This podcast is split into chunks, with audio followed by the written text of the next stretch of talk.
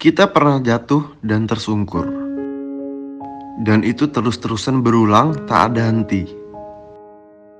Kita dibuat jatuh dan berdiri lagi. Kita ditemukan, menemukan, dan dipertemukan. Itu adalah keajaiban semesta. Kita tidak akan tahu skenario apa yang akan kita dapat setelah kehilangan. Yang pasti, alur kehidupan masih lanjut. Dan kita mesti bertahan sejauh apa waktu ini berjalan.